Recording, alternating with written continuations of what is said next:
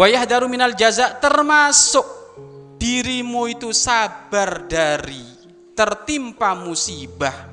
Yakni menerima kodok dan kodarnya Allah tandanya adalah kamu menghindar dari mengadu atau mengeluh. Nggak mau mengeluh. Tanda kamu menerima ketentuan Allah itu nggak mengeluh kalau kamu setiap tertimpa musibah ngeluh berarti kamu nggak menerima ketentuan Allah. Sakit gigi nih sakit gigi sih ya dos ini gimana sih sakit gigi terus? Nah nggak boleh kayak gitu itu. Itu berarti nggak menerima ketentuan Allah. Para kekasih Allah itu kalau sakit sakit ketentuan Allah bukan. Sakit ketentuan Allah bukan. Maka tanda kita sabar dari sakit tersebut apa? Nggak usah ngomong-ngomong tapi jangan sampai nanti ini jadikan kamu nggak mau berobat di UKS saya menerima ketentuan Allah.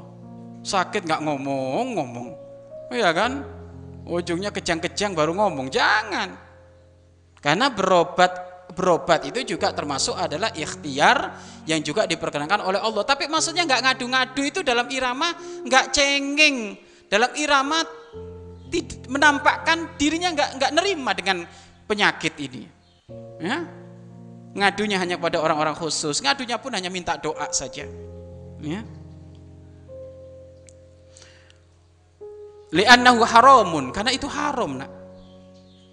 Mengadu mengeluh mengeluh mengeluh mengeluh itu ngomong ngomong merasa nggak sabar nggak enak dengan penyakit ini.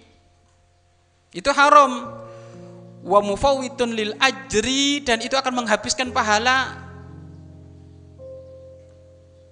dari musibah yang ia dapat. Masya Allah nak. Allah itu maha adil.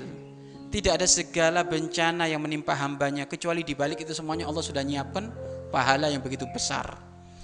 Lalu dengan banyak mengeluh Itu maka otomatis pahala dari musibah tersebut itu tercabut Dikurangi